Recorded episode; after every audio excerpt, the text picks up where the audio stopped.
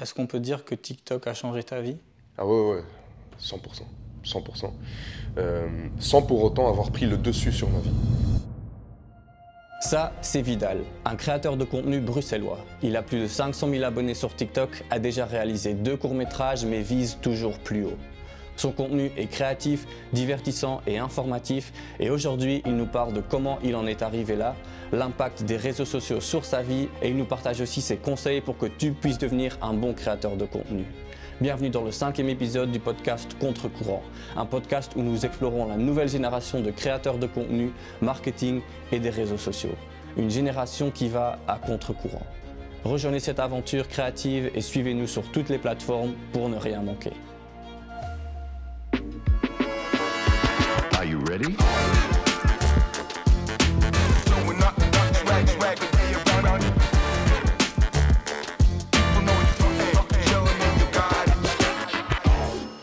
Vidal, merci d'être là. Ben, merci de m'avoir invité. Ça fait plaisir d'avoir un invité de renom. Je vais déjà rougir là. Euh, comment tu vas? Mais moi, ça va très très bien. Je suis en forme. J'ai fait mon petit sport ce matin, donc euh, Ok. tout va bien. Et je suis dans une bonne période. Août, il fait très moche dehors, mais Ouais, c'est dans la tête que ça se passe, donc ça va. c'est vrai. Parce que j'ai vu sur Instagram que tu avais une blessure à l'épaule. Bien vu. J'ai fait, euh, j'ai eu une attaque neurologique en fait euh, à l'épaule, donc c'est un nerf qui m'a tout simplement dit fuck off. Et euh, donc je suis en, on va dire en, en sport, quoi. Je, je fais de la kiné pour euh, passer au-dessus de, de cet accident que j'ai eu euh, en janvier déjà. Ça fait huit mois. Ouais. Mais ça se passe bien du coup? En fait, le, ça s'est très mal passé moralement parce que je Ok. comprenais pas pourquoi moi j'ai eu ça comme ça. Mhm. Euh, D'ailleurs, pour le dire, au début, j'ai cru que j'avais fait un AVC parce que j'arrivais plus à lever mon bras. Euh, et d'ailleurs, je ne peux toujours pas beaucoup le lever. Et donc, j'ai cru que j'avais fait un AVC au début. Et donc, moralement, j'étais complètement euh, Ouais. détruit. Mais euh, maintenant, ça va avec la kiné, tout ça, je me suis remis. Donc, euh, vraiment, quand je dis que c'est dans la tête que ça se passe, c'est pas, c'est pas une blague. C'est vraiment, euh, j'ai, il faut passer au-dessus, en fait. Mhm. Et Ouais, voilà. ouais. Donc là, ça va, ça va un peu mieux. Ok. Première rubrique, c'est Creators ID. Donc, je vais te poser des questions un peu courtes où tu dois juste euh, donner des réponses courtes ou longues, comme tu veux. ça va. Nom, âge et métier. Alors, prénom euh, Vidal, âge 27 et métier, ça c'est une bonne question. J'ai plus envie de dire passion, euh, réalisateur, créateur de contenu, artiste, Ouais. audiovisuel. Et ensuite, métier, c'est la même chose, mais c'est d'abord une passion. D'accord. Parce que j'ai pas commencé ça en me disant je veux faire un métier, j'ai plus dit qu'est-ce que j'aime bien faire? Mhm. Et donc euh, j'ai Ouais. commencé à, voilà, à faire des, des petits films, des, des photos, des, des- des dessins aussi. Et, euh, et donc c'est devenu un métier, mais de base c'est une passion. D'accord. Et comment est-ce que tu t'es mis, comment est-ce que tu es rentré là-dedans, dans, ce, dans cette création de contenu et tout? Ben, j'ai fait des études euh, à Bruxelles en communication, c'est l'IEX, voilà, c'est une bonne école de communication. Et au fur et à mesure du temps, je me suis dit, euh, j'aime bien en fait créer donc tout ce qui est artistique. Et ça d'ailleurs, il y a peu de gens qui le savent, mais j'adore dessiner, j'adore euh, faire de la musique aussi. J'ai fait six ans de solfège. En fait, Ouais. c'est tout ce qui touche à la création, vraiment créer avec mes mains, avec mes voix, ma voix, avec mes yeux. Enfin, voilà, Mhm. tout ce qui touche à l'art en fait. Et au fur et à mesure, euh, je me suis toujours posé la question qu'est-ce que j'ai envie de faire? Et donc, je me suis d'abord donné comme objectif de toujours faire ma passion avant tout. Et puis voilà, si ça peut rapporter de l'argent, mais ça c'est jackpot. Ouais. Donc euh, voilà, en fait j'ai d'abord pensé à moi, ça fait un peu égoïste de le dire comme ça, mais je me suis toujours dit qu'est-ce que moi j'ai envie de faire pour moi? Mhm. Et d'ailleurs, euh, même quand je crée des vidéos, en fait, les gens ne, ne- ne pensent que au placement de produits, alors qu'en fait les placements de produits c'est peut-être 1% de ce que je fais. Parce que je pense d'abord à ce que moi je veux faire pour moi. Et donc dit comme ça, ça fait très rare, il pense qu'à lui, mais pourtant Ouais. dans la vie, tu, Non, tu dois faire un peu ce qui te plaît Ouais, toi-même, ouais, tu vois. ouais. Et donc, euh, voilà, dans, dans mes vidéos, par exemple, seulement 1% de mes vidéos, peut-être, euh, sont euh, des vidéos qui me rapportent de l'argent. Et tout le reste, c'est que des choses que moi, j'aime faire. D'accord. Voilà. Ok, on va en parler un peu plus en détail de la rémunération et Ouais. tout euh, plus tard. Euh, mais c'est vrai que la passion, c'est un peu, un peu nous. On est dans la création de contenu aussi. S'il y a un moment où tu arrives à gagner de l'argent avec ce que tu aimes faire, là, c'est jackpot. quoi. C'est Mais oui, et c'est cool de, de voir ça. j'ai l'impression que c'est presque un luxe aujourd'hui de se dire que euh, tu, tu gagnes de l'argent avec ce que tu aimes réellement faire. Tu vois. Ouais. Moi, le nombre d'amis que j'ai qui me disent qu'ils détestent leur métier. Mhm. Et euh, c'est vrai que on n'y pense peut-être pas assez, mais c'est presque une chance qu'on a de se dire qu'on gagne vraiment. Et il faut pas se voiler la face et dire ah non, c'est voilà, c'est une chance de savoir que tu gagnes vraiment ta vie avec une passion. Et moi, honnêtement, quand je travaille, j'ai même pas l'impression de travailler. Ouais. Moi, je, je- je kiffe ma vie. Et bon, des fois, il y a des trucs chiants, hein, tu vois, on va pas se mentir. Des fois, j'ai pas envie de faire certaines choses, mais en moyenne, si je devais faire une moyenne, euh, moi, c'est un kiff, c'est sûr. Ouais. Est-ce que, parce qu'avec les nouvelles plateformes comme TikTok, Instagram, le- la création de contenu qui est devenu, qui est devenu beaucoup plus accessible pour tout le monde, est-ce que ça est-ce que ça t'a donné un boost dans ce que tu voulais faire, par exemple TikTok? Clairement, c'est TikTok qui m'a lancé, hein, ça, je ne l'oublierai jamais.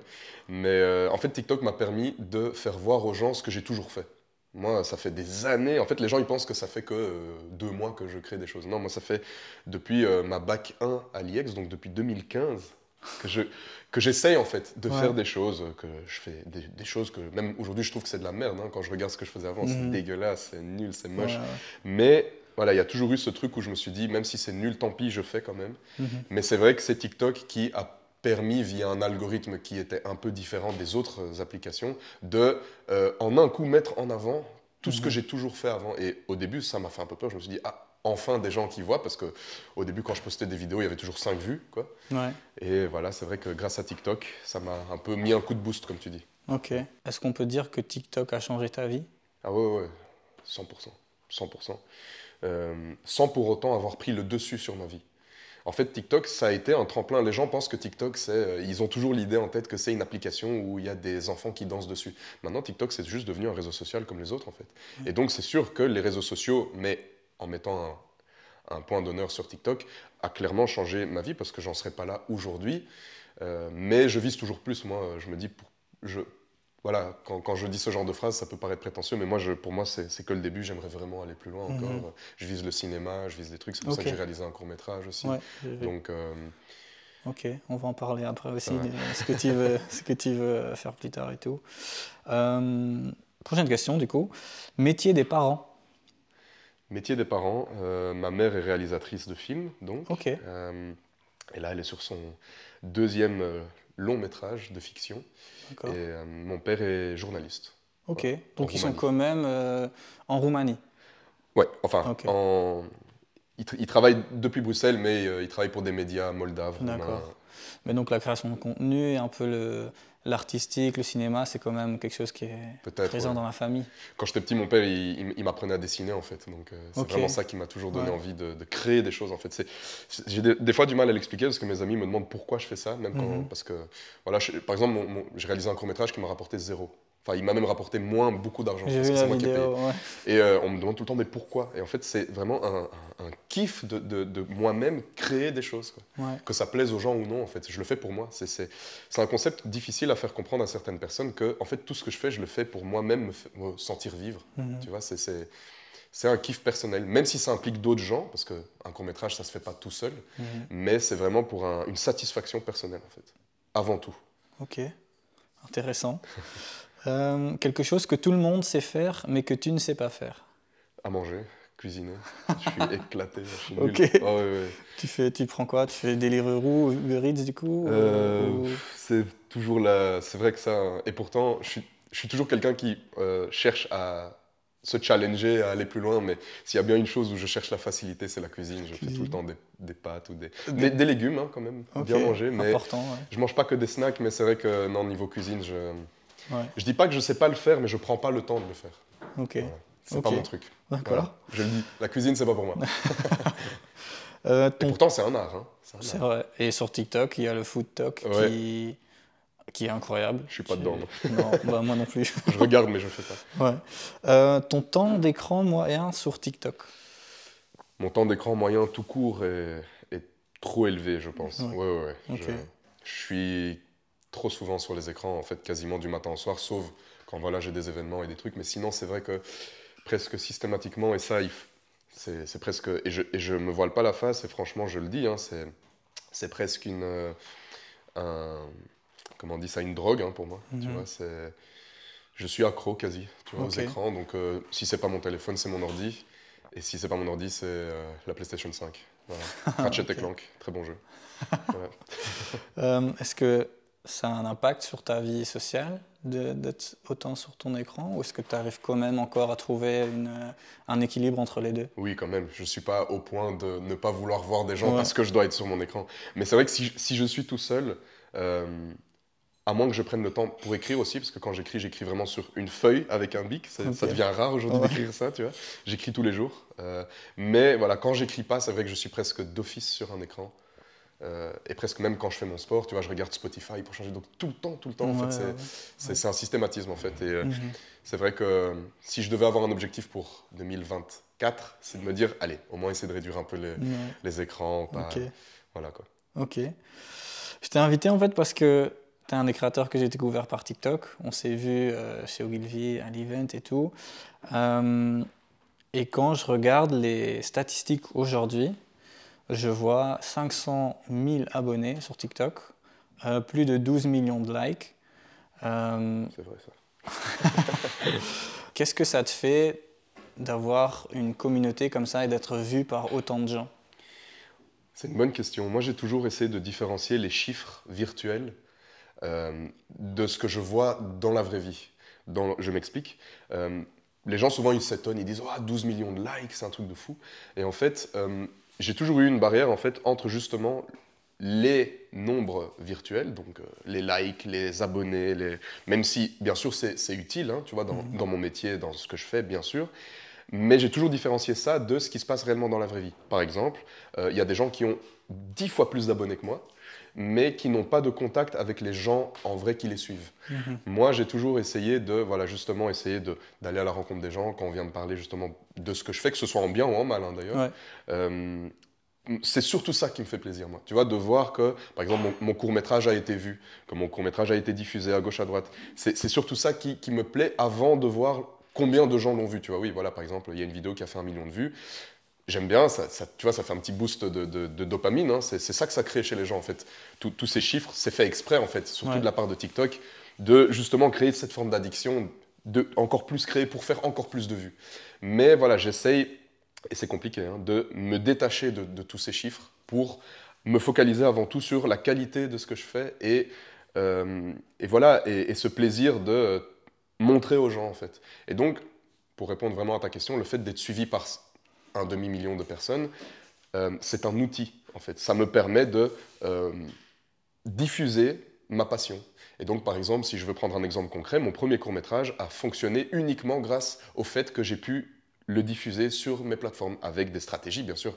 Voilà, c'est pas, c'est pas du hasard non plus, hein. il y a des Non, stratégies ouais, très, ouais. très, euh, Ouais. très importantes à, à- à mettre en place. Mais voilà, mon, mon court-métrage que j'ai réalisé, comme je le disais, pour moi, pour mon kiff personnel, j'ai quand même voulu que les gens le voient, et donc j'ai mis en place des stratégies de communication sur TikTok, Instagram, pour que les gens puissent le voir. Et c'est à ça que servent ces chiffres. Mhm. Après, bien sûr, oui, euh, c'est une satisfaction, évidemment. euh, mais les gens pensent souvent que euh, c'est de la chance. Ah, il a trop de chance d'être truc. Alors qu'il y a un travail monstre, en fait, euh, 7 jours sur 7 quasiment, Mhm. depuis des années, en fait. Comme je disais, depuis 2015. Depuis 2015, moi, je fais des vidéos où il y a deux vues. Ça date? Ah, ça date.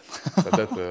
J'étais à peine majeur. tu Ouais. vois. Et ça fait peut-être 8 ans que je fais des vidéos avec deux vues, mais ça ne fait que un ou deux ans que je fais des vidéos avec des centaines de milliers de vues.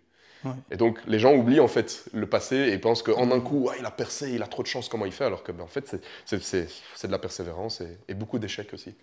Ok. Voilà. Ouais.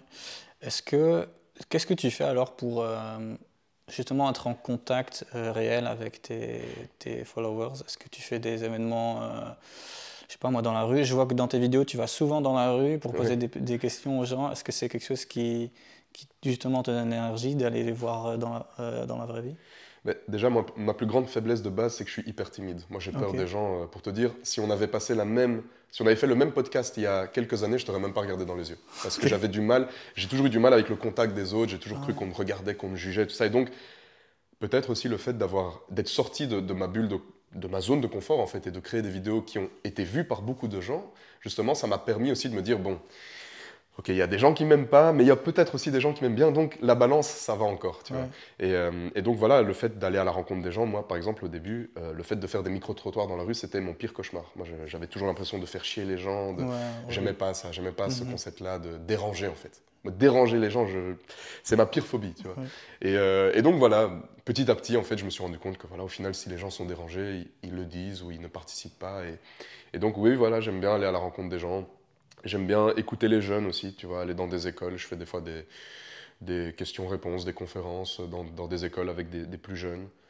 Euh, parce que euh, c'est ça en fait, c'est ça qui me fait vivre, c'est pas que voir les chiffres, vois. c'est vraiment entendre les gens, euh, les critiques négatives, les, les critiques positives, les conseils. Euh, c'est ça qui, qui vraiment me fait kiffer dans, dans, ce, dans cette passion, mais dans ce métier aussi. Imagine-toi, tu es sur un, sur un podium et il y a tous tes abonnés devant toi. Qu'est-ce que tu leur dirais? Déjà, je, je me, je me pisserai dessus parce que ça fait trop de gens. Ouais. moi, moi, quand il y a plus que 4 personnes, là ça va, on est, on est 4. Si on est plus que 4, déjà je, je stresse. tu vois. Ok. Donc, euh, en fait, aussi, ça, c'est un truc que les gens, ils, ils pensent que c'est facile de parler à plein de gens parce qu'il y a beaucoup de gens qui voient mes vidéos. Mais je suis souvent tout seul à faire les vidéos. Donc, c'est compliqué de parler à beaucoup de gens. Ouais. Moi, euh, faire des conférences devant beaucoup de gens, je, je deviens tout rouge. J'ai Mhm. du mal, je te jure, j'ai du mal. Si je vois 500 000 personnes devant moi, je m'évanouis direct. Mais euh, si je devais vraiment dire un truc cliché, ce serait ben, merci. Merci de, Merci d'être là. ouais, merci de me suivre, merci de, de commenter, de, de- de me donner des conseils. Mhm. Si je devais vraiment dire que un mot, je dirais merci et puis je partirais en courant. Ok. Euh, on va un peu repasser sur ton parcours. Euh, on, a déjà, on en a déjà parlé un peu tout à l'heure. Tu as commencé très jeune, je suppose, avec la famille, euh, la, la créativité dans la famille. Mais comment est-ce que, est que tu sais nous expliquer en quelques points clés, quelques moments clés, comment tu en es arrivé là aujourd'hui? C'est. Oh, là, je dois faire toute une euh, biographie.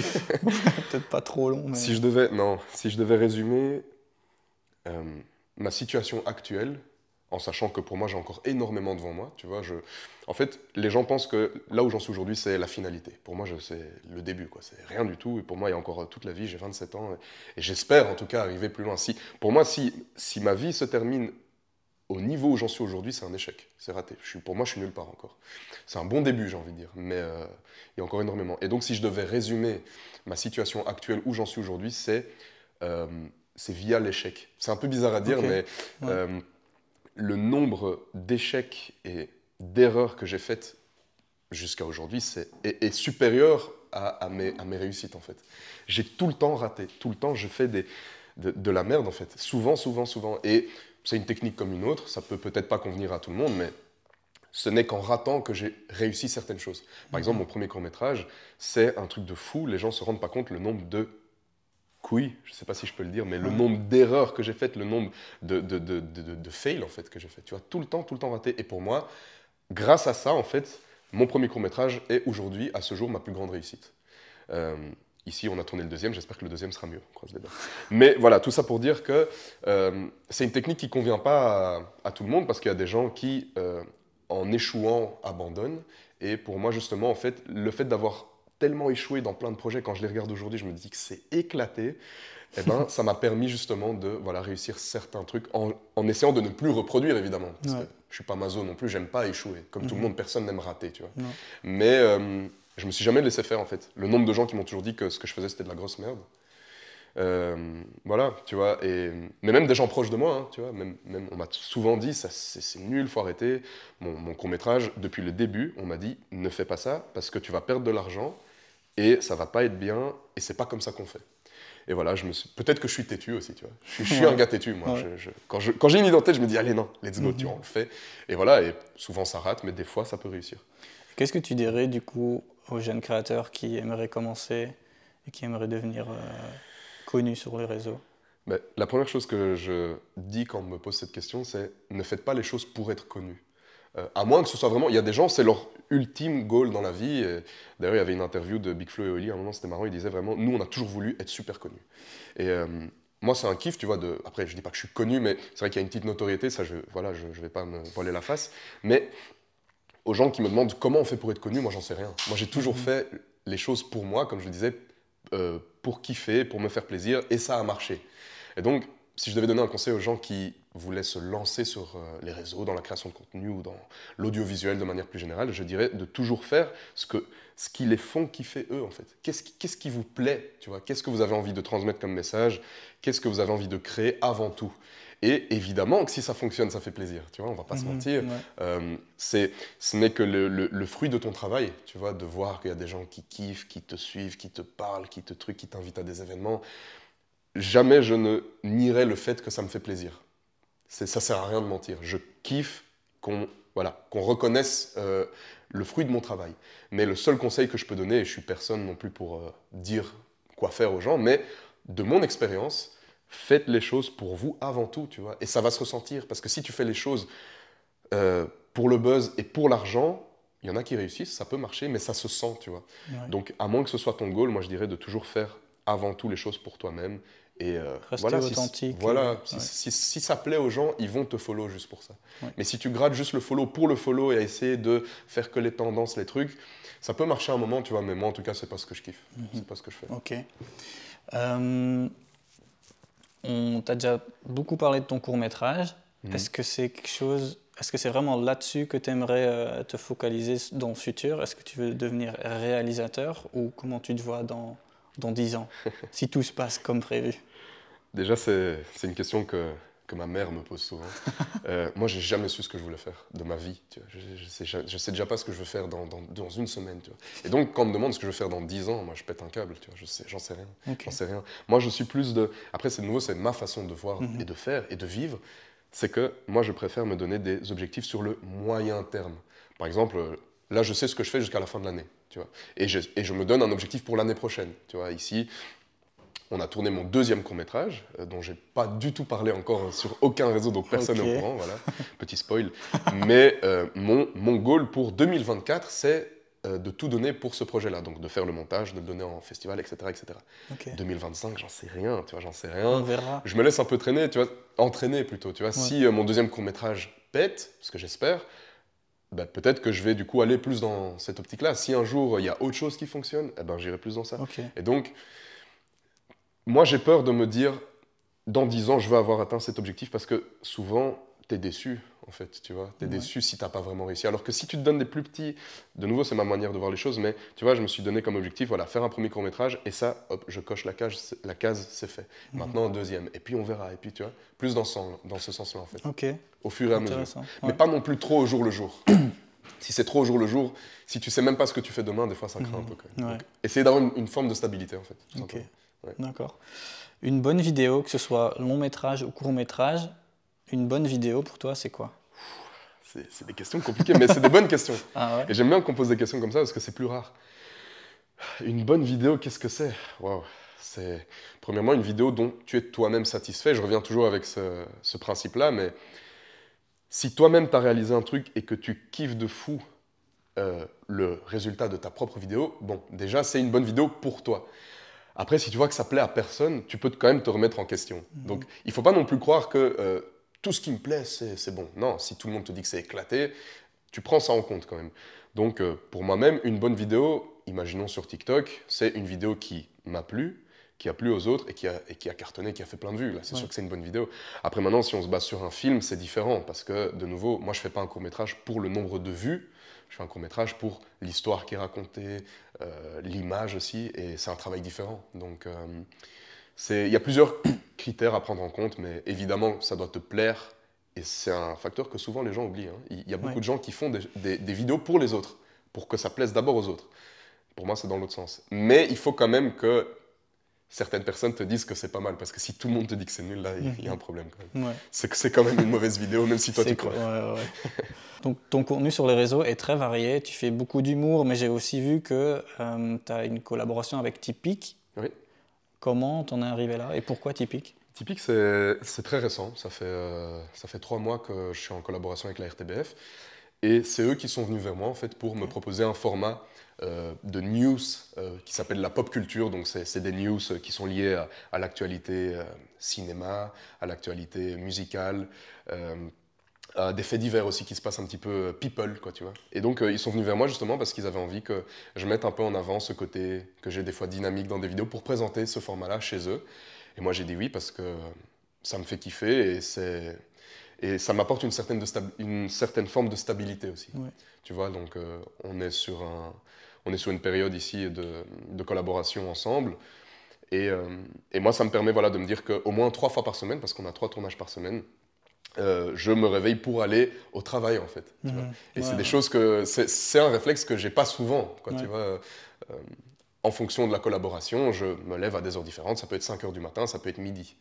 Euh, mais en tout cas, typique, voilà, je sais que trois fois par semaine, je dois aller à la, à la RTBF et, et c'est un kiff. Moi, ça me fait kiffer d'avoir ça en plus en fait. Ouais, ouais. Et est-ce que euh, c'est, t'as assez de liberté créative si tu travailles avec euh, la RTBF ou... Pour ce format-là, ouais, c'est- franchement, c'est, très chouette parce qu'il me laisse vraiment. euh, euh, donc, il y a des thématiques qui sont liées à l'actualité, Ouais. mais c'est vraiment lié aussi à ma personne. Donc, euh, je ne dois pas présenter ça comme un présentateur de télévision que je ne suis pas.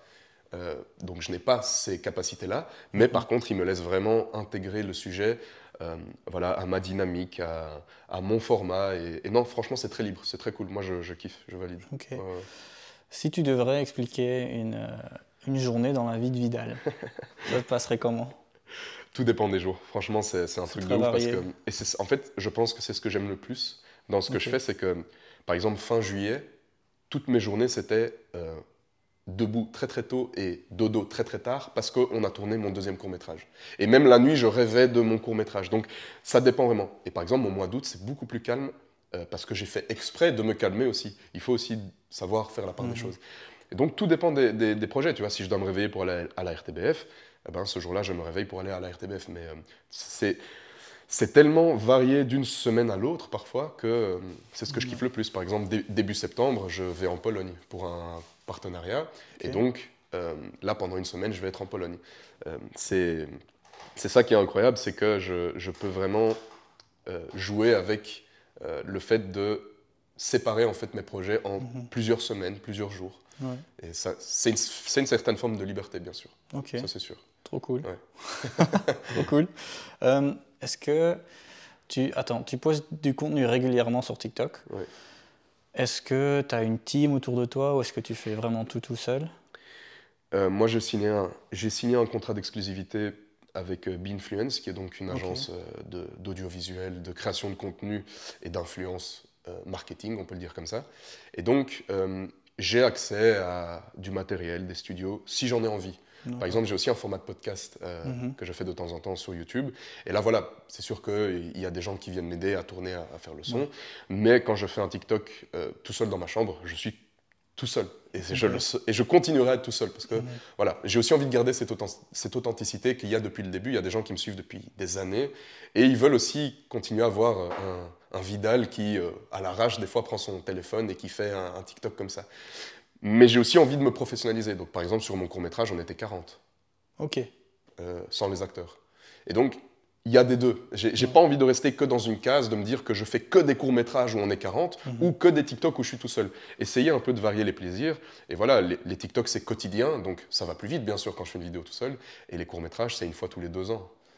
Est-ce que tu sors un TikTok tous les jours? Ouais, ouais. Encore aujourd'hui? Ouais, ouais, ouais. C'est important pour toi. C'est important pour toi d'être tous les jours actif. Est-ce que tu te forces un peu à être régulier Non. ou c'est un peu, ça Si vient un peu naturellement? Si j'ai pas envie, je le fais pas. Ça arrive des- jours, même. Je vais en vacances avec ma mère à la plage en Grèce, je fais pas de TikTok. Je, je suis avec ma famille, je fais la part des choses. J'ai pas non plus envie que ma vie euh, familiale ou amicale empiète Mhm. sur euh, les réseaux sociaux qui ne sont pas la vraie vie. Souvent, les gens ils pensent que les vlogs que je fais, c'est la vraie vie. Non, c'est ce que j'ai choisi de vous montrer. Donc, non, non, je, je sélectionne ce que j'ai envie de faire, ce que j'ai envie de montrer. Je ne me force jamais. Si j'ai pas envie, je ne le fais pas. Euh, donc, euh, encore aujourd'hui, je poste presque tous les jours des TikTok entre 1 et 3 ouais, Ok. par jour. Parce que j'en ai envie. Mais bon, bien sûr, voilà, par exemple, quand je serai en Pologne en septembre, je vais pas poster de TikTok tous les jours parce que j'aurai pas le temps. Je serai dans Ouais. une collaboration euh, différente. Quoi. Mhm. Ouais. Ok. En, par- en parlant de collaboration, tu commences à avoir une grande communauté sur TikTok. Je suppose qu'il y a beaucoup de marques qui viennent vers toi. Tu l'as déjà dit tout à l'heure, euh, les rémunérations, les partenariats, c'est 1% de tout ce que tu fais. Comment tu te positionnes par rapport aux partenariats Est-ce que c'est quelque chose qui est essentiel pour toi pour continuer à faire d'autres projets ou est-ce que c'est des trucs que tu fais toutes les semaines ou... C'est essentiel. C'est Ouais. essentiel et c'est un peu une forme de tabou aujourd'hui. C'est un sujet tabou, hein, l'argent. En fait, Ouais. et ça, c'est un truc de fou parce que les gens prennent le métier de créateur de contenu ou de réalisateur, je, je vais dire artistique pour le résumer parce que le mot d'influenceur ne me correspond pas tellement dans le sens où je sais pas qui j'influence moi, tu vois. Moi je fais des projets parce que j'en ai envie- de nouveau parce que je kiffe. Mais le métier de d'artiste, hein, et d'ailleurs ça peut même aller, euh, il y a des gens qui s'indignent parce qu'il y a des musiciens qui gagnent de l'argent.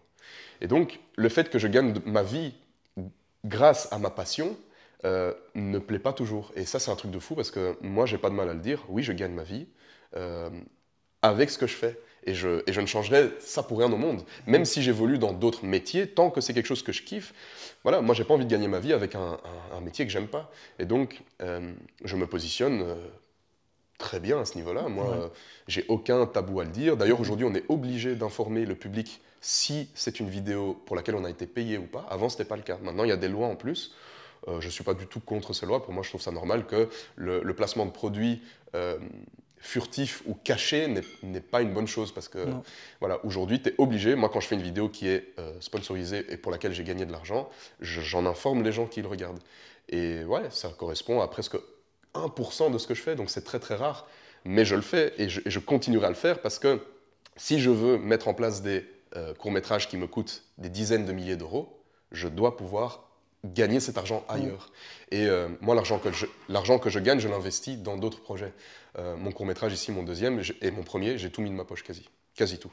Donc, euh, j'aurais jamais pu faire ça sans, sans gagner ma vie, en fait, Mhm. sans gagner de l'argent. Donc, Ouais. je comprends pas et je ne comprendrai jamais pourquoi les gens s'indignent du fait qu'on Ouais. gagne de l'argent. C'est un truc de fou. C'est vrai qu'après, pour les anciennes générations, c'est un, un mode, un modèle économique assez récent, assez Oui. nouveau.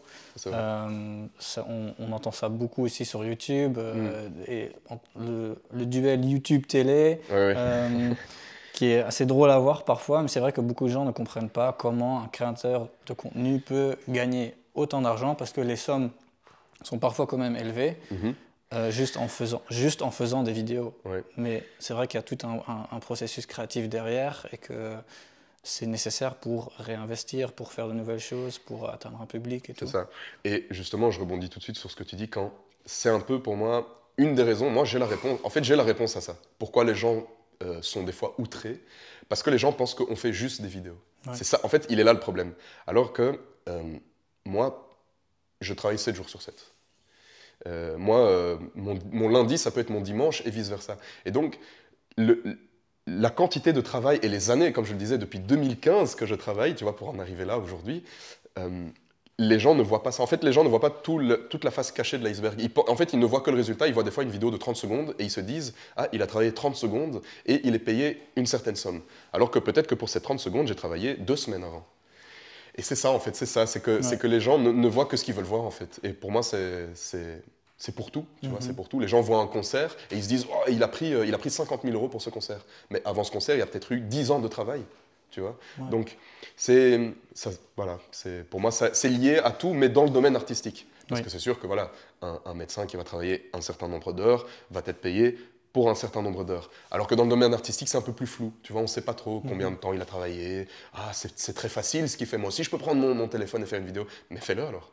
Tu vois En fait, fais-le. Si, c'est ça que je. Si les gens sont tellement outrés de, cette- de, de, de, de la soi-disant quantité faible de travail que je fais, eh bien, faites-le aussi. Tu vois C'est ce que je Ouais. dis toujours. moi. Mhm. Pourquoi vous ne le faites pas alors? Ouais. Voilà. Ça te dérange de parler budget ou pas? Je sais pas si tu as des contrats où tu peux pas spécialement dire. euh, Tout dépend des questions. Tout dépend des questions, tu vois. Euh, j'ai- moi, j'ai pas vraiment de tabou dans le sens où euh, j'ai pas de tabou dans le sens où j'ai j'ai pas de mal à dire, par exemple, combien m'ont coûté mes courts métrages, Mhm. combien je dois dépenser, combien. Mais euh, tout dépend de la question. Vas-y, pose ta question. Euh, je suppose, tu me diras si c'est faux, que les partenariats et, tout, c'est euh, l'élément le plus lucratif pour toi? Quand tu dis lucratif, ben moi c'est ma, ce seule source de revenus, ma seule source Ouais. de revenus en fait. Ok. Et le montant moyen d'une collaboration pour une vidéo TikTok, par exemple, je sais pas trop comment les contrats sont, sont faits, mais on parle euh, de combien Mais- environ? Je vais répondre euh, très facilement à cette question. C'est que, et de nouveau on va dire que je réponds vaguement, mais pourtant c'est la vérité, euh, il n'y a pas de euh, budget moyen pour une vidéo, parce que ça dépend de plusieurs choses. Premièrement, de qui tu es, tu vois. Je ne gagne pas autant que Squeezie, et je ne gagnerai jamais autant que Squeezie, parce que c'est le GOAT. Ouais. Big up à Squeezie. non mais C'est l'exemple le plus extrême, mais pourtant, c'est vrai. Euh, et deuxièmement, ça dépend de qui est le partenaire, quelle, quelle a été la négociation. C'est pour ça que maintenant, je suis en collaboration avec Beanfluence, qui eux-mêmes se chargent de négocier pour moi. Moi, je ne sais pas négocier. Moi, ouais. je suis nul là-dedans. Une merde. Moi, euh, pour moi, euh, je, je- voilà, j'ai aucune idée, aucun talent de négociation. Mhm. Et c'est pour ça que quelqu'un s'occupe de le faire pour moi maintenant. Mais il n'y a, pour moi en tout cas, j'ai l'impression qu'il n'y a... Et aussi, ça dépend de la quantité de travail, tu vois. Par exemple, euh, une collaboration qui s'étend sur l'année va évidemment rapporter euh, plus d'argent qu'une collaboration qui dure 4 jours, tu vois. Donc, il n'y a pas vraiment de, de chiffre moyen. Mhm. Les, les gens demandent combien tu gagnes, mais ça dépend d'un mois à l'autre. Euh, Il y a un mois où ça peut être ça, et il y a un mois où ça peut être plus. Et c'est ça qui est Moi, c'est ça qui me fait vibrer, je vais Ok. pas mentir aussi. tu Ouais. vois. Moi, j'aime bien euh, avoir un peu ce- cette espèce de suspense, euh, Ouais, des ouais. fois délicat, parce que tu te dis, putain, euh, le mois d'après, on sait pas trop ce qui Mhm. se passe. Mais euh, voilà, tout dépend du, du projet, du partenaire. Si, si c'est 10 vidéos à réaliser ou si c'est une, bah, ça va être 10 fois plus, Mhm. tu vois. Quel a été le partenariat qui t'a ramené le plus d'argent? Euh, c'est une bonne question. De nouveau, est-ce que c'est en one shot ou est-ce que c'est à, à la fin quand, quand tout était fini? En one shot, peut-être C'est peut-être. euh, je pense que je, je vais pas dire la, la, la marque parce que. Ok. Mais déjà, je, je travaille pas souvent avec des marques. J'ai remarqué ça parce que c'est un choix. Plus Euh, d'autres médias des- ou ouais, des organisations? C'est ça. Ouais, ouais. ok. Des institutions. Je travaille souvent avec la ville de Bruxelles, Bruxelles Propreté, Scarbeck Propreté aussi. Euh, euh, des institutions, des, euh, la Commission européenne. Ok. Euh, tu vois, je travaille plus avec des fois même des ASBL parce que de nouveau, si je fais un projet même rémunéré, je le fais avant tout parce que je le valide. Tu vois, je- Mhm. si maintenant il y, a- il y a une marque qui n'a rien à voir avec mes valeurs qui me contacte, même si c'est bien payé, je ne vais pas le faire. Tu vois, parce que euh, ça va se voir, les gens vont se désabonner, ça va être nul, et à part l'argent, j'aurais rien gagné. Mhm. Alors que justement, si tu sélectionnes et que tu fais les choses que tu kiffes, moi voilà, je aujourd'hui j'ai aussi la chance, le luxe de pouvoir choisir précisément les partenariats que je veux faire. Et donc, euh, comme ça, te dire, euh, je vais pas citer une, une institution quoi, qui, qui m'a le plus payé qu'une autre ou quoi, mais, euh, mais oui, des fois, il y a des, franchement, des, des fois, il y a des chouettes montants, tu vois. Franchement, je, je, vais- je vais pas me voiler la face, tu vois. Mhm. Je vais pas me voiler la face. Euh, surtout maintenant qu'il y a euh, un peu plus de, comment, un peu plus d'expérience, qu'il y a des gens qui, qui négocient aussi, tu vois. Au début, moi, je faisais tout et n'importe quoi. Mhm. Je faisais tout et n'importe quoi. J'acceptais, hein. mais c'était le début, Ouais, tu vois. ouais, on peut pas m'en vouloir, tu vois, d'avoir des fois fait des partenariats que je ne referai plus aujourd'hui Mhm. et dont je ne valide d'ailleurs plus les, les, les, les valeurs aussi, tu vois. Euh, j'ai un, j'ai un peu changé, je me suis amélioré, donc euh, Ok. et les montants ont évolué forcément, tu vois. Oui. Forcément, Oui. les montants ont évolué, mais euh, Mais je suppose que c'est difficile à dire un montant spécifique tellement ça varie. ou- ça varie, franchement. Et même par mois, pour toi, c'est ça dépend vraiment. Ça de- peut, ouais, c'est- ça varie. Il n'y a pas une petite tranche que tu peux. non, mais en vrai, si tu veux pas, t'inquiète. hein. non, non, une petite tranche. euh, c'est non, en fait, en fait, il y a pas. C'est une grosse tranche. C'est une grosse tranche. ouais. C'est que par mois, ça peut être entre euh, 2000 et euh, 12 000 euros. Ouais. Voilà, par mois. Ok. En sachant que voilà, il y a peut-être euh, des mois où c'est 2 3 000 et des mois où c'est 5 6 7 8 9 000. Mhm. Ça peut arriver. ouais. En vrai, Mais dépend. les mois où c'est plus, forcément, c'est je travaille euh, du matin au soir 7 sur 7. Ouais. Voilà. C'est ça le métier d'indépendant aussi, c'est que euh, au plus tu travailles, bah, au plus tu es payé. Si je travaille 30 jours d'affilée, 7 jours sur 7, je serai payé euh, 50 000 euros par mois. Voilà. Mhm. Ok, Ah oui. intéressant. Si, si je suis un petit peu réticent, euh, malheureusement au début, c'est par réflexe que justement les gens euh, sont des fois négativement choqués Ouais. de ça. Tu Ouais, vois ouais. Euh, si je dis que j'ai gagné 10 000 euros en un mois, les gens Mhm. vont presque m'insulter des fois. Mhm. Ouais, tu veux. Voilà. C'est. Non, t'inquiète, pas de Mais, problème. euh, mais ça peut arriver, ça peut arriver. Après, c'est Ok. pas tous les mois. Non, non, non. Mais je croise les doigts que ça le soit. je me le souhaite. Je te le souhaite en tout cas. Je vous le souhaite aussi. Euh, question complètement différente. Si tu, pouvais aller, si tu pouvais aller boire un café avec n'importe quelle célébrité, ce serait laquelle? Ok. Ah, c'est bon ça. Ça, c'est bien. Ça, c'est des bonnes questions, ça. Et ça, c'est des questions dont j'ai pas l'habitude. Une célébrité, n'importe laquelle. N'importe laquelle. Morte Wow. ou vivante. Ah ouais Ouais, même euh, Einstein, je sais pas, peu importe. Ah ouais, attends, mais t'es chaud. Franchement, t'es chaud dans tes questions. Attends, mais je peux avoir quand même 10 secondes là de réflexion. Ouais, ouais, t'as si 5 je pouvais- secondes. 5 secondes. Non, non, non, vas-y. Attends, si je pouvais sélectionner une seule célébrité pour aller parler comme ça, c'est un truc de fou ça. C'est un truc de fou. Attends, attends. C'est rude. On va peut-être diviser en deux. Une, une personne qui est encore vivante et une personne qui est déjà Ah ouais, ok, ok. Attends, laisse-moi quand même bien sélectionner. Ouais, Une T'inquiète. personne encore bien vivante là qui est dans le game. Euh, Attends. hein. en fait, tu sais quoi, je vais te donner plusieurs réponses en fonction de- des catégories. Parce que c'est dur, franchement, choisir une personne, c'est Ouais, rude. hein. ouais. Franchement, c'est rude. Euh, Bon. Si je devais sélectionner une personne. Si je devais aller boire un café avec une personne qui m'apprendrait énormément de choses, euh, qui a une vie d'expérience devant moi, et dont j'adore le travail, ce serait peut-être euh, Nolan, réalisateur donc, qui a fait Interstellar, enfin plein de films. Ouais. Et tous ces, ki- tous ces films, je les kiffe. Mhm. Euh, Il y a même certains films euh, euh, plus compliqués à comprendre, comme Tenet, je sais pas si tu as vu tout ça. Enfin bref, moi, c'est un, ré- c'est un, ré- un réalisateur que je kiffe. et je m'inspire en fait énormément de ce qu'il fait pour mes propres courts-métrages. Donc si je devais aller boire un café avec un réalisateur du turfu de ouf, euh, qui déboîte tout, moi, ce serait Nolan, parce que euh, ce gars, laisse tomber. Pour moi, c'est une masterclass, tout ce qu'il Ouais, fait, c'est un truc de ouf. Et euh, je j'ai pas du mal à le dire. Moi, je- tous mes courts-métrages, enfin mes deux courts-métrages actuels, euh, je me suis directement inspiré de lui, que ce Mhm. soit l'image, la musique, les messages, tout, tout, tout. Euh, si maintenant je devais prendre un gars qui a mon âge, tu vois, mais qui m'apprendrait aussi énormément, plus dans le game de audiovisuel et tout ça, euh, ce serait Mr Beast parce que euh, il- lui, il a détruit. En fait, lui, il a tout retourné Ouais. du début à la fin. Il a tout retourné. Et le en fait, YouTube game, en fait, c'est à lui, en fait. c'est que lui. ouais. Ouais, c'est, ce gars, c'est un truc de ouf. On peut ne pas aimer ce qu'il fait, mais on ne peut pas nier à quel point ce gars est chaud. Tu vois. Euh, moi d'ailleurs, j'aime pas toutes ces vidéos. hein. Il y a des fois où je me dis, ouais, frérot, euh, vas-y, il fait exploser des bateaux et tout. Je me dis, ouais. vas-y.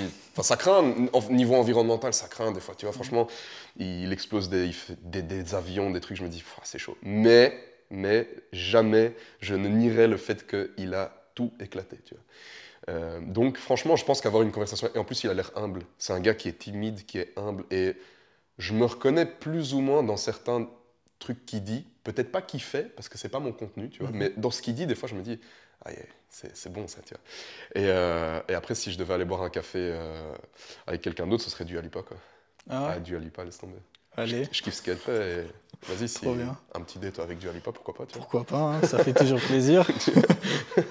si elle regarde, euh, Lipa, Si du Alipa, si tu entends tout ce que je te dis là, Vidal est dispo. je suis là. Ok. On a un bon, un bon café à Scarbeck en plus. Ah, Voilà. Peut-être si jamais elle a un concert à Scarbeck. Enfin, à Un concert à euh, Scarbeck de Dua Lipa, ouais. Imagine. c'est chaud, c'est chaud. Euh, ok, prochaine rubrique, finish the sentence. Donc, euh, finis la phrase. Je vais te dire quelques, le début de quelques phrases et tu vas devoir euh, les finir. TikTok, c'est génial parce que. Parce que ça permet à tout le monde de créer euh, et de montrer. Ok. TikTok, c'est pas ouf parce que. Parce qu'il y a certaines limites qui sont des fois pas très claires et que ça peut amener aussi à une certaine forme de violence envers d'autres personnes, comme le cyberharcèlement euh, et des choses comme ça. Ok. Le plus difficile pour un créateur. Ah, je vais refaire. Le plus difficile pour un créateur de contenu, c'est? Euh, D'être authentique et de savoir réellement ce qu'il veut faire. Parce que souvent, on se calque que sur les tendances qui fonctionnent, mais savoir vraiment qui tu es et ce que toi tu veux faire. Mhm. Pour moi, en tout cas, ça a été le plus compliqué. D'accord. J'aime Bruxelles parce que? Parce que c'est la capitale euh, de la Belgique, de l'Europe, et que je suis né ici, et que c'est une vraie ville. Même s'il fait là juillet, août dégueulasse, la météo, j'ai pas compris ce qui s'est passé, mais non, franchement, BX, c'est- lourd. Est-ce que ça a, eu un, ça a eu un impact sur toi et sur ta créativité et tout? La météo? Non, Bruxelles. Ah Je pensais que tu parlais de la météo. Non, Bruxelles. Ah, bien sûr, bien sûr. Bruxelles, c'est euh, c'est un puits sans fond. C'est une mine, en fait. Les gens, ils voient Bruxelles, ils voient la Grand Place. Mais Bruxelles, c'est un truc de ouf. hein. C'est Surtout aujourd'hui. Avant, j'ai l'impression qu'il y avait moins. Mais tu vois, le nombre de créateurs, de... même ici, tu vois, de, de, de marques indépendantes, euh, que ce soit dans la SAP ou dans la musique, c'est un truc de ouf. Comment c'est de plus en plus euh, chaud, Bruxelles. Avant, on était moins, tu vois, on était moins vu, moins connu. Tu vois, on savait même pas. Quand on disait Bruxelles, on savait même pas ce que c'était. Maintenant, BX, c'est presque une référence hein, à, à- Ouais. à plein de niveaux, tu vois. Ouais. Et pas que le chocolat. ça, c'est- c'est vieux, ça. Bruxelles, c'est pas ouf parce que. Pourquoi c'est pas ouf Bruxelles, c'est sale. C'est- Les gens, ils respectent pas vraiment. J'ai remarqué ça. Euh, peu importe la commune. c'est, euh, Et ça, petite anecdote, une fois, j'ai été faire euh, un partenariat avec euh, Bruxelles Propreté, justement. Je l'avais déjà dit avant, mais... Et j'ai été moi-même mis dans la peau d'un ouvrier, dans la peau d'un éboueur. Et donc j'ai fait une tournée, en fait, ils, ils appellent ça des tournées, très très tôt le matin, entre 5, 6, 7 heures du mat, 8 heures. Et euh, le matin, Bruxelles, c'est un sac poubelle en soi. C'est dégueulasse. La nuit, en fait, c'est un truc de fou comment les gens, ils, ils- ils- ils souillent Bruxelles, en fait. Et en fait, on se rend pas compte à quel point les éboueurs font un taf de fou le matin pour que quand nous, on se réveille à 9 heures facile, où euh, on voit la ville, ah ça va, c'est encore propre, mais la nuit, c'est dégueulasse. C'est- c'est- Les gens, ils respectent pas. Ok. Intéressant. Ouais, Parce que c'est un. C'est dommage. C'est très dommage, ouais. Ouais. C'est ce ce que je voulais dire tout à l'heure aussi, c'est tes partenariats sont vraiment très intégrés dans, dans qui tu es et ce que tu fais. Est-ce que c'est vraiment, est-ce que pour chaque partenariat, tu as cette même mentalité ou parfois tu acceptes juste quelque chose parce que, parce que tu as vraiment besoin de l'argent pour un autre projet ou... Non, non, non, non. Je, je préfère euh, gagner 0 euros pendant X mois plutôt que de me forcer à faire un partenariat avec euh, une marque ou, ou- ou même une institution qui ne, ne va pas ni fonctionner, ni me plaire et ni plaire aux autres en fait. Donc en fait, c'est bon pour Ouais. personne. Mhm. Tu vois, faire un partenariat, ah, je vais te payer en un coup euh, beaucoup d'argent, euh, mais j'aime pas ce truc, mais hein, ça va se voir, ça va être raté, et les gens vont le voir, et, et bref. Donc Ouais, non, non, non, non, euh, commencer, euh, je... ouais. Mais les, les, les, les institutions et les marques ont aussi commencé à le comprendre. Mhm. Avant, je recevais des, des partenariats, des, des propositions de partenariat pour tout et n'importe quoi. euh, Pour de, des, par exemple, j'ai déjà reçu des, des partenariats pour euh, des culottes en dentelle, des strings, des trucs que moi je fais. Que je, que je, pourquoi pas? Ouais. Mais les gens ont commencé à comprendre que c'était pas moi et qu'il Mhm. fallait arrêter de me- m'envoyer des, des propositions de, pour tout et n'importe quoi, pour Pampers. Tu vois, qu'est-ce que moi je. Enfin, voilà, peut-être qu'ils se disent que j'ai un, un enfant, mais bref, c'est c'est tous des trucs que jamais de la vie je vais faire des, des partenariats pour ça. Même si j'ai un enfant, je vais pas faire, je vais pas présenter des produits comme ça, c'est- ça m'intéresse pas. Et non seulement les marques ont commencé à le comprendre, mais moi, c'est complètement intégré dans ma euh, direction artistique, et c'est le plus important. Sinon, c'est raté. Ok. Ouais. Prochaine phrase. Ce que je dirais à moi-même enfant. Euh, Moi-même, enfant, Imagine, euh, il y a Vidal Petit qui arrive et tu pourrais lui dire quelque chose. euh, de me couper les cheveux, parce que je sais pas ce que j'avais, mais c'était l'époque Justin Bieber. Ah et ouais. pendant 4 ans, euh, je n'avais qu'un œil, on voyait qu'un seul de mes yeux. J'avais une grosse mèche qui me passait devant comme ça. Ouais. Et je trouvais ça stylé. Et du coup, je me dirais que c'est dégueulasse. C'est Ok. pas stylé, faut pas faire ça. Coupe ta cheveux. Faut, faut pas faire ça. Et d'avoir plus confiance en soi aussi. Parce que c'est lié, là c'était un peu la blague, mais le fait que je me cachais, tu vois, que je cachais la, la moitié de mon visage, on voyait vraiment que la moitié de Mhm. mon visage, c'était une forme de protection parce que j'avais pas. con- Je te dis, je, je pouvais pas regarder les gens dans les yeux. hein. Moi, on me disait, les gens, quand je parlais aux gens, ils, ils croyaient que je leur parlais même pas, j'étais comme ça. Tu vois. Mhm. Et donc je me dirais, coupe tes cheveux et regarde les gens dans les yeux aussi. Ouais. Est-ce que les réseaux, du coup, on en a déjà parlé un peu tout à l'heure, est-ce que les réseaux, du coup, ça t'a aidé à justement combattre cette timidité un peu? Ça m'a aidé, ouais, ça m'a aidé. En gardant une limite, tu vois, je, je me suis jamais dit que les réseaux sociaux c'était la vie. D'ailleurs, c'est le sujet de mon premier court métrage. Les, réseaux sociaux, les réseaux sociaux, c'est pas la vie, mais c'est un outil, tu vois, c'est un outil. Mhm. Ça aide et il faut vivre avec euh, les nouvelles technologies, tu vois. Moi, j'aime, moi, tout ce qui est nouvelles technologies, je kiffe, tu vois. Les gens, ils ont peur des intelligences artificielles et tout, moi, je kiffe. Ouais. Parce que, en fait, ça sert à rien. Il y a même des révoltes. hein. Il y a d'ailleurs, euh, à Hollywood, il y a, il y a la grève des scénaristes. Oui. Parce qu'ils sont, ah, les intelligences artificielles, ça va nous remplacer. Ça sert à rien de se révolter. Il faut vivre avec, justement. Il faut les utiliser justement pour. euh, Il faut les accepter. Faut, Ouais. Ça ne veut pas dire. vont- ça ne va pas nous remplacer. C'est juste que c'est un outil qui est différent de ce qu'on connaît aujourd'hui. Quand Facebook est né, les gens, ils ont pété des câbles. hein. Euh, le- les premiers smartphones, tous les, les- les anciennes générations, elles se disent c'est quoi cette merde? Ça, regarde maintenant aujourd'hui comment on est. Donc pareil, les intelligences artificielles, moi je le dis, dans quelques années, ça va être comme ça, ça va être... euh, Et euh, il y aura un nouveau truc, et les gens ils vont aussi faire des grèves pour ce nouveau truc, donc moi je suis pour, franchement. ouais. Ok, cool. Si les réseaux sociaux disparaîtraient demain, je ferais ou je serais? Euh, je continuerai dans le cinéma, parce que le cinéma c'est immortel. Euh, j'essaierai de m'adapter aussi avec les intelligences artificielles, comme je l'ai dit, et j'essaierai d'être toujours un peu dans un peu une vision de, de ce que je veux, un peu visionnaire. quoi. J'essaierai de me dire, bon, le cinéma traditionnel, c'est ça. Comment est-ce que je peux l'adapter aujourd'hui? Qu'est-ce que je peux faire tu vois? Euh, Moi, comme je l'ai dit, j'ai utilisé les réseaux sociaux pour promouvoir un peu mes films, euh, mes courts-métrages. Si les réseaux sociaux meurent, bah, j'essaierai de trouver des alternatives. Comment est-ce qu'on peut faire euh, des projections sur la Grand Place, peut-être? Tu vois, Je sais pas. Ouais, Je donne des idées comme ça, tu vois. Si la ville de Bruxelles, elle m'entend, vas-y, moi je suis chaud. Mais en tout cas, je ne perdrai pas espoir. Je me dirai pas, oh, c'est bon, j'arrête tout. Non, je, je ferai autre chose. tu vois. Ok. Les dilemmes. J'ai noté quelques dilemmes. Tu dois choisir l'un ou l'autre. Ouh, ça, je suis, je suis mauvais à ce jeu. Ah je suis nul. ouais. je sais jamais choisir, même au restaurant, je pète des câbles quand il faut choisir. Ah, non, non, non. Ça, je vais, je vais rater. Ça je va bien se passer. On va, on va si c'est si Je trop long. Alors, TikTok ou Insta? C'est pas le même outil, mais vas-y, TikTok. Ok. C'est pas les mêmes fonctionnalités. TikTok ou YouTube? De nouveau, c'est pas la même chose. hein. Ouais. Euh, YouTube, si je peux juste dire pourquoi, parce que YouTube, c'est, il est immortel aussi, tu vois. Mhm. YouTube, ça fait des années que c'est dans le game, euh, alors que TikTok, c'est trop récent encore TikTok. Donc, je dirais YouTube, c'est plus safe, c'est plus stable. Ok. Euh, information ou divertissement? Divertissement. Ok. Ouais. Euh, filmer dans la rue ou filmer en studio? Ça dépend du projet, mais euh, filmer dans la rue, pourquoi pas pour rencontrer des gens, c'est cool ça. Ok. Euh, qualité ou quantité? Qualité, ça c'est la question la plus facile, ça. Qualité, non, direct, bien sûr. Format court, format long? C'est très compliqué. J'ai envie de dire format court parce que c'est ce que je fais le plus, mais le format long t'apporte plus de messages aussi, donc on va partir sur le format court. Mais faut pas oublier le format long, c'est très important. Et le dernier, Belgique ou Roumanie? Ouf, oh, frérot, là tu veux juste me niquer. c'est chaud, c'est chaud. Y a pas un joker là? Il y a un joker. Vas-y, parce que je suis, les deux, je roumain. En fait, je suis roumain, toute ma famille vit là-bas, tu vois. Et Ouais. Moi, je vais en Roumanie chaque année, mais la Belgique, c'est le sang aussi, donc euh, belgo-roumain, on va dire. Allez, ça part sur Là, je t'ai piégé, là.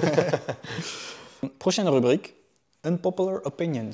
Ouf, Donc, je vais te donner des, des clichés un peu, des, des trucs qu'on dit dans le, dans le secteur euh, créatif et audiovisuel, et tu, tu dois me dire si tu es d'accord ou pas. Il y, en a, euh, il y en a quatre en tout, Parfait.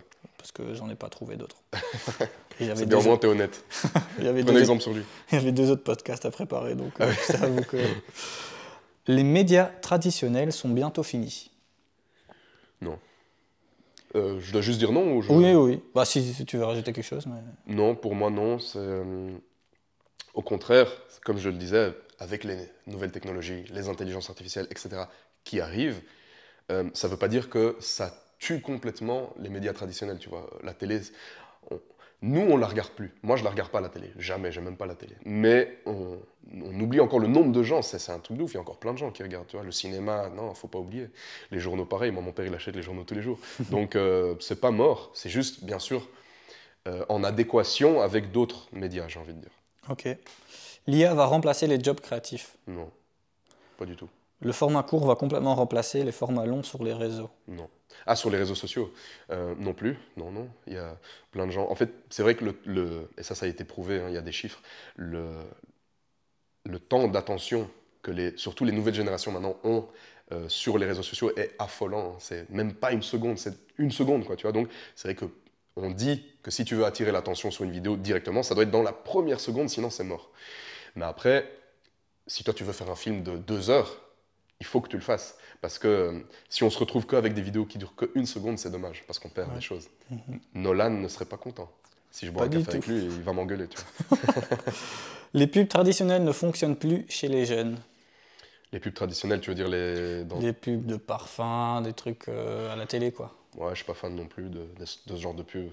Je valide pas, non. Les, les- En fait, les pubs, euh, ça s'appelle les pubs un peu push, tu vois, qui Mhm. où t'es forcé de les regarder. Ça, moi, ça a jamais été mon, mon kiff non plus. Et pour moi, pour moi, ça fonctionne pas.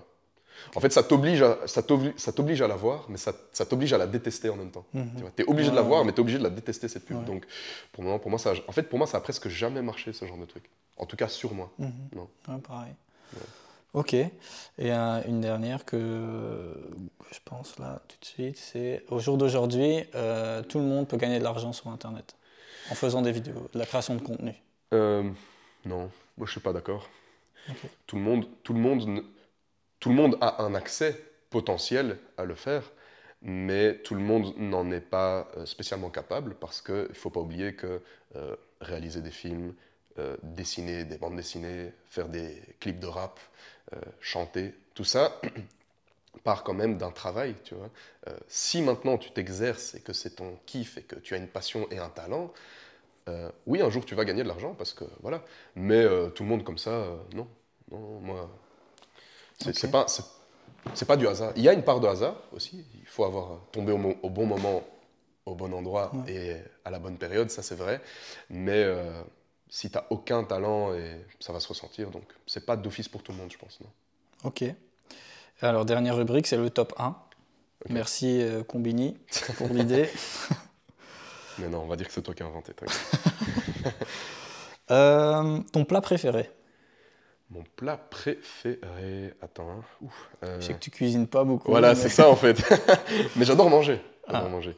Euh, je vais dire les tacos. Mais pas les tacos occidentaux. Les tacos du Mexique. Les vrais tacos qui piquent et qui t'arrachent t'arrassent là, tu vois. Ces vrais tacos là, du Mexique. Ok. Ouais, ouais. Ton, ta destination préférée Euh, le Mexique. Et la Roumanie. On n'oublie pas. Euh, ta chanson préférée? Ma chanson préférée, waouh. Euh, on va dire euh, Yellow Submarine des Beatles. Ok. Ton réseau social préféré? Euh, sans grande surprise, je vais dire TikTok parce que c'est vraiment là où il y a ma plus grande communauté. Les, réseaux- les autres réseaux sociaux, je les utilise aussi tout le temps, mais j'ai moins de gens qui me suivent sur YouTube que sur TikTok, forcément. Mhm, Ok. Euh, ton film ou ta série préférée Euh, ma série préférée, c'est euh, sans aucun doute, et ce sera jamais dépassé parce que pour moi, on peut pas faire mieux, c'est Breaking Bad. Ça, c'est. Ok. Je- je- J'ai vu cette série euh, quatre fois de A à Z et je la reverrai autant qu'il le faudra. Euh, et mon film, c'est Interstellar, parce que c'est une masterclass et que j'ai rien à dire à ce sujet, il est, il est trop fort. Ok. C'est- de la science-fiction à l'état pur, quoi. C'est magnifique. Ok. Euh, ta célébrité préférée ma célébrité préférée euh, Post Malone. Il est trop fort. Et il est trop drôle. Il est, c'est un gars, il est, il est, il est tout gentil comme ça. Ouais. Je sais pas, moi, c'est, c'est un gars, je veux bien voir- boire un café avec ce gars aussi, tu vois. Ok, ouais, Ouais. Mais après, il est un peu, il serait peut-être un peu trop def, même en Mhm. buvant un café. Donc, euh, je crois aussi. ouais. Mais quand même, ça peut être intéressant. Une expérience Ton- intéressante. Ton jeu vidéo préféré? Euh, là, j'ai saigné le dernier God of War sur PS5. Sinon, toute la licence Mario, elle est parfaite. Et euh, je- oh, il y en a plein. Ah, là, c'est un bon. C'est c'est une bonne question. S'il faut en choisir un Si, je dois en choisir un, euh, je dirais, la, je dirais la- les GTA, parce que j'attends le GTA 6 plus que mon propre anniversaire. Vraiment, genre, le GTA 6, là, je sais qu'il va sortir dans longtemps, mais laisse tomber, moi. J'ai même envie d'être dedans. D'ailleurs, j'ai fait une série GTA de BX. Si je Ouais. suis pas dans le, dans le GTA 6, il y a un problème. Trop bien. Hâte de voir ça en tout cas.